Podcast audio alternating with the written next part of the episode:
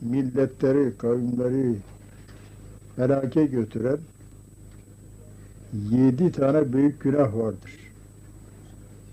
Yani bu kitabın altında biliyor musunuz siz bunları? Eshab-ı kiram onlar nedir ya Resulallah? Emret. İşte onu izah ediyor. Başta nedir? Şirki billah.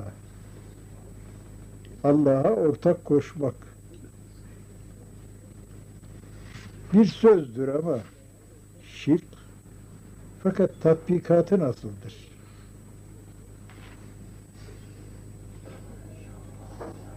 Aklı başında hiç kimse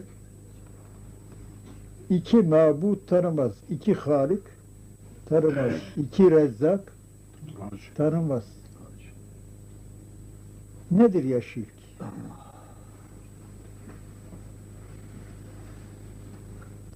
Birisi putperestlik. Yani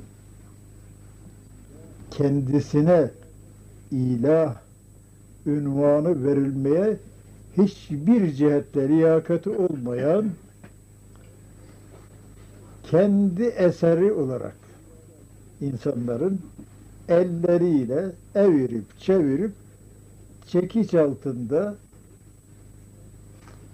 bir şekil vererek ondan sonra onu kendilerine mabud ittikaz edip ona adak yapmak, ondan isteklerini istemek. İnsanlar böyle şey yapar mı? Ya şimdi bu onların sözünü söyleyelim.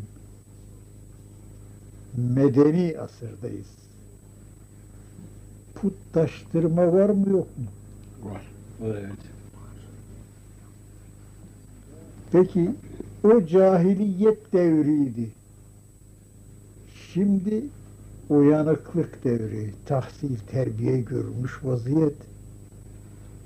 Neden bu put- putlaştırılmaya gidiyor? Yani bir insan şekli, bir hayvan şekli. İster tunçtan yapılsın, ister taştan yapılsın, isterse ağaçtan, tahtadan yapılsın bu hayrı getirmeye, şerri def etmeye, ihtiyacımıza cevap vermeye, derdimizi tedavi etmeye iktidarı var mıdır bunun? Değil. Fakat buna alafranga bir ünvan takmak lazım. Alafranga ünvanı da biliyoruz değil mi? Efendim bu bir sembolmuş. Sembol. Yani sembol bender. Bilmiyorum. Peki sen üzerine düşersin Sofu kardeş. İşte öyle bir hale getirdi ki geçerken ona selam verdireceksin sana. Ya. Gördüğün yerde selam. Adı geçtiği yerde rükûa gideceksin. Saygı duruşu. Bunlar medeni terbiyeler. Bunun mimi var mı yok mu? Mimi kökünden sokmuş. İşte işte halimiz bu.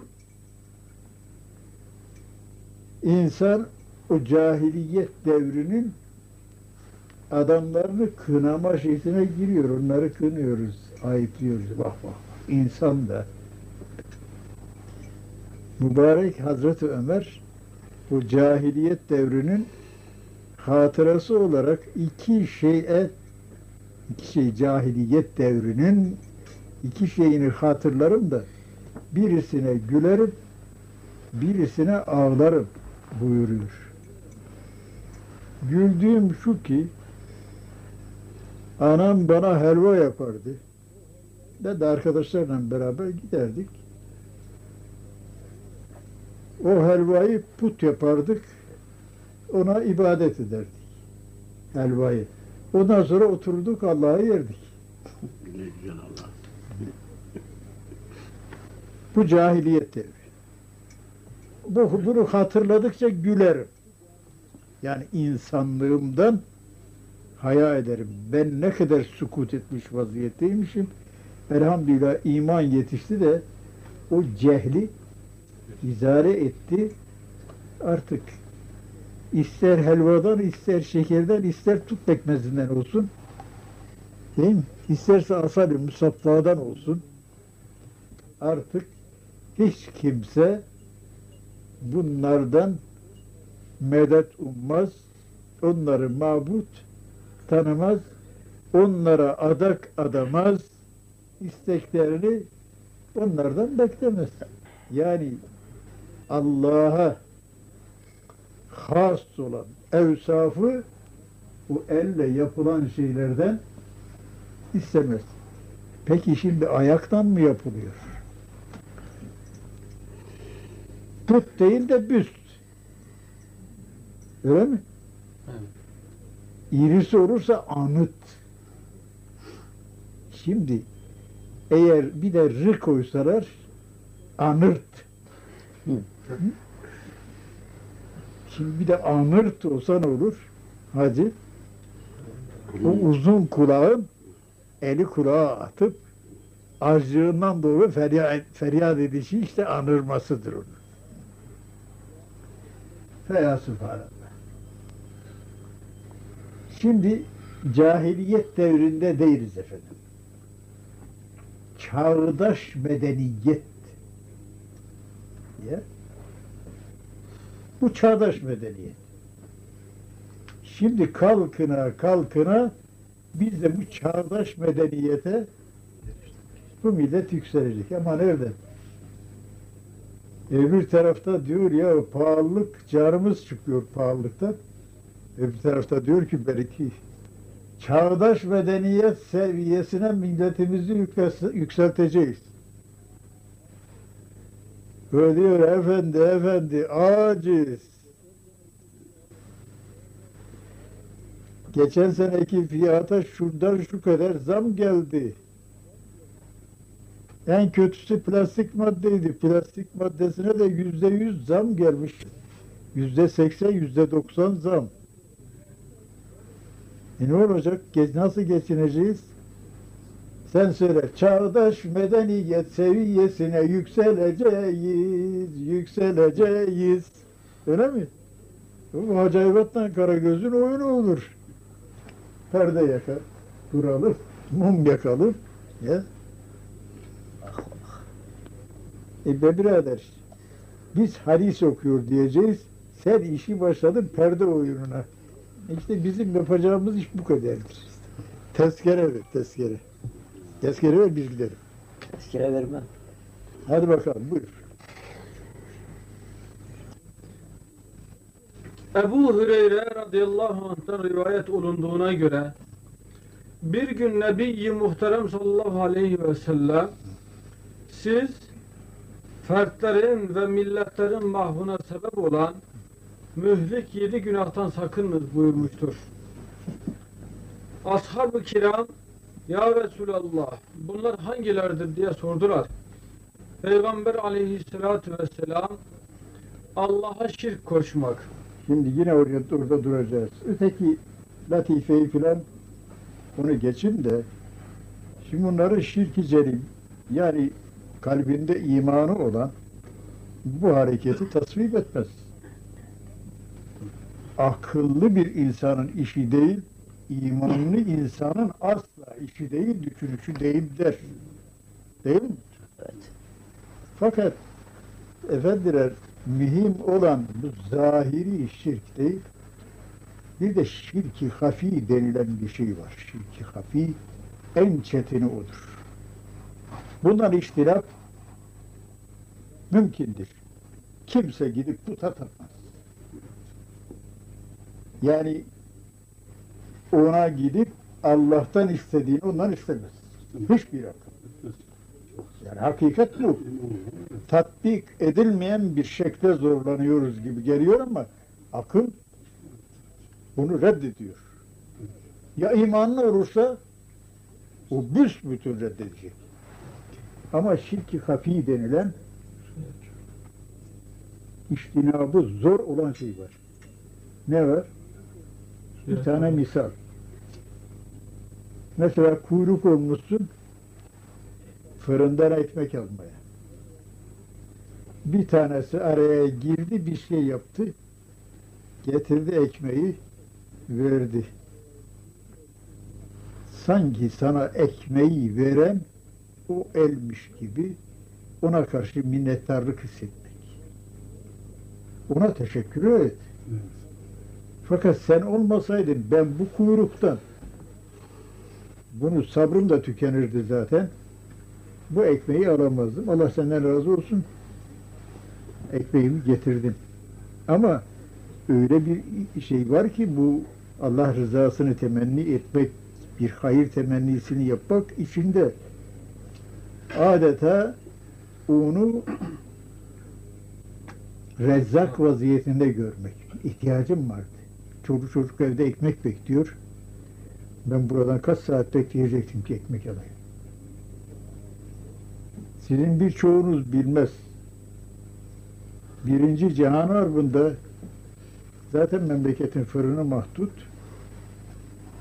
Ben o sırada Kafkas cephesinden buraya izinli gelmiştim. Allah o günü göstermiyor. O fırınlardan ekmek almak meselesi. Çok çetin, çok zor bir durumdu. İkinci Cihan Harbi'nde de gelmedim. Fakat vaziyeti yakinen biliyorum ki yine o vaziyet olmuştu. Yani hakikaten kim bizim rızkımıza şeyse Allah düşüncesinden ziyade onu kendimize bir nevi mabut ittihaz etmek gibi bir meyil var. Bu münasebetle bir hakikat söyleyeceğim. O da muharebeler, muharebeler, savaşlar, milli ahlakı, dini ahlakı yıkan en birinci sebeplerdir. Yani milli, dini e, şeyleri, ahlakı yıkan muharebelerdir. Çünkü geriye kalan acize sınıfı, kadınlar bilhassa geride, ekmek bulamıyor. Açık söylemek lazım. Çünkü böyle bir şeyi temenni etmiyoruz. Etmeyelim. Bir muharebe olsa da şu işten kurtulsak. Halbuki öyle hikayeler duymuşum ki öyle kat'i mevsuk kadınlar maalesef iffetlerini o yolda harcıyorlar bir lokma ekmeği almak için. Allah günü göstermiyor. Böyle bir memleketin dışarıda düşmana göksünü germiş, hayatını o yolda harcayan erkeği beri tarafta kadın geriye bıraktığı çoluk çocuğun infakı için insafsız adamların elinde bir lokma ekmeği alıp da o yavrulara vermek için para geçmiyor, zineti geçmiyor, iffetini vereceksin diyor. Bu münasebetle Kur'an'da eskiden güzel bir adetti. Sure-i Kehif Cuma günleri okunurdu. Orada öyle midir? Ayetin başı İnne ashabel kehfi ve rakimi kanu min ayatina acaba. Ashab-ı Kehif ve Ashab-ı Rakim'den şey var Sure-i Kehif'te. Eshab-ı Rakim, Eshab-ı Kehf malum. Kur'an epey icraat verir. Fakat Eshab-ı Rakim kapalı kalmıştır. Bunun için o küçük tefsirde de biraz alır. Üç zat Eshab-ı Rakim üç kişidir diyor. Bu üç kişi bir yere giderlerken arkadaş Hava bozuyor. Sağarak yağış başlıyor. Bir mağaraya iltica ediyorlar. Yağmurdan kaçıyorlar. Doluya tutuluyorlar ama. Bir kaya yukarıdan yuvarlanıyor. Gelip mağaranın ağzını tıkıyor. Demek böyle kuyu gibi bir mağara ki zindana girmişler dünyada. Yani ölüme mahkum. O kaya itilip de üç kişinin kuvvetiyle oradan çıkmaya imkan yok. Aralarında konuşuyorlar. Diyorlar ki buradan ancak biz Allah'ın yardımıyla kurtulabiliriz. Çare kalmadı.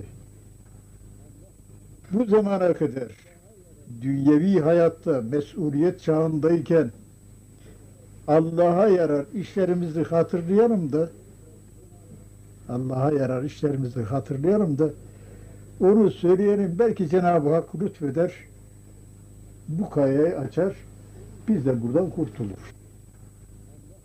Bir tanesi diyor ki ben amele çalıştırıyordum sırasını bilmiyorum. Artık aklıma gelen üç şeyi söyleyeceğim. Ben amele çalıştırıyordum. Bu bir amelenin ücretini vermeden ertesi gün gelir diye gitti bir daha gelmedi. Gelmeyince ben tuttum onun ücretine bir koyun aldım. O koyun meğer yavrulamak üzereymiş. İkiz yavruladı. Hulasa kısa bir zamanda birkaç sene içerisinde küçük bir sürü vaziyetine girdi. Ben çok menfaatlandım yüksek. Sütünü satıyorum, yoğurdunu satıyorum, yağından istifade ediyorum. Baktım bu işin idaresi için memur tutmak lazım. Burada çok muhtasardır. Fakat böyle tafsilatlı dinlemişim şeylerden, vaizeten biraz. Nihayet aradan 15-20 sene geçti. Bir gün bir adam geldi. Sopaya dayana dayana. Zayıf. Dedi ki benim hatırlamazsın çok zaman geçti. Bir zaman amelelik yapıyordum sana. Bir günlük ücretimi almadan gittim.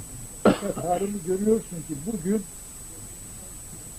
o ücrete bugün muhtaç. Ben tuttum bu adamın işte tetkik ettim, tahkik ettim yani şeyden ifadesinden. Çağırdım adamımı. Dedim git işte onun için ne kadar koyun birikmişse, ne kadar şey varsa kademesi, çobanı hepsini bu adama verdim. Bilmem ki Cenab-ı Hak bu hareketimi kabul buyurdu mu? Bir şey oluyor, bir hareket, içeriye bir ziya girecek, hava alacak kadar bir şey açılıyor. Teki öteki diyor benimki biraz ayıp bir şey. Fakat buradan kurtulmak için başka çaremiz yok. Ben de söyleyeceğim. Bir zaman memleketimizde kıtlık oldu. Bu yine şeyden geliyor. Harp, harbin kötü neticelerinden. Herkes ihtiyacı için geliyor. Cenab-ı Hak da bana ve epey elimde yiyecek hububat var. Bu müşterilerin arasında bir kadın geldi. Kadın güzel. Benim de nefsim ona meyletti. Çağırdım bir kenara. Dedim sana istediğini parasız veririm fakat sen de bana teslim olacaksın. Kadın ağladı, sızladı gitti. İkinci bir daha geldi. Üçüncü gelişinde ne yapayım? Çocuklar ölüyorlardı. Sende merhamet yok. Senin dediğini yapmaya mecbur. Aldım götürdüm diyor yere. O sırada baktım ki hem ağlıyor hem titriyor. Dedim burada bir gören yok. Nedir sende bu hal? İşte eynallah. Ha, Allah nerede diyor. Allah görüyor bu hali. Öyle deyince benim tüylerim ürperdi. Peşman oldum. Vazgeçtim. Bilmem ki bu hal Cenab-ı Hakk'ın rızasına uydu. Taş biraz daha açılıyor. Çıkacak derecede değil ama. Üçüncüsü diyor canım benimki çok hafif bir şey. Nedir o? Benim de diyor ihtiyar yatak esiri bir annem var, anam var. Dalıp dalıp gidiyor. Seslendi bana, su istedi. Ben götürdüm suyu, bayılmış. Sabaha kadar elimde su bekledi. Gözünü açtı, su getirdin mi dedi, getirdim dedim işte. Bilmem ki bu hareketim indallah makbule geçmişse Cenab-ı Hak bizi bu badireden kurtarsın. Taş yuvarlanıyor, onlar da çıkıyorlar. Burada muhtasarı vardır. Biz de hocalardan vaktinde dinlediğimiz daha allandıra bulandıra işte. Ez cümle hocalar vardı. Biri Hüseyin Hocamdır. müderris Ömer Efendi. Ondan dinlemiş. Şimdi işte bu da bu, bu hikayeyi de böylece bunun arasına sıkıştırdık. İbret alınacak yer. Hikayenin şeyine bakılır mı? Kaidemiz nedir? İbret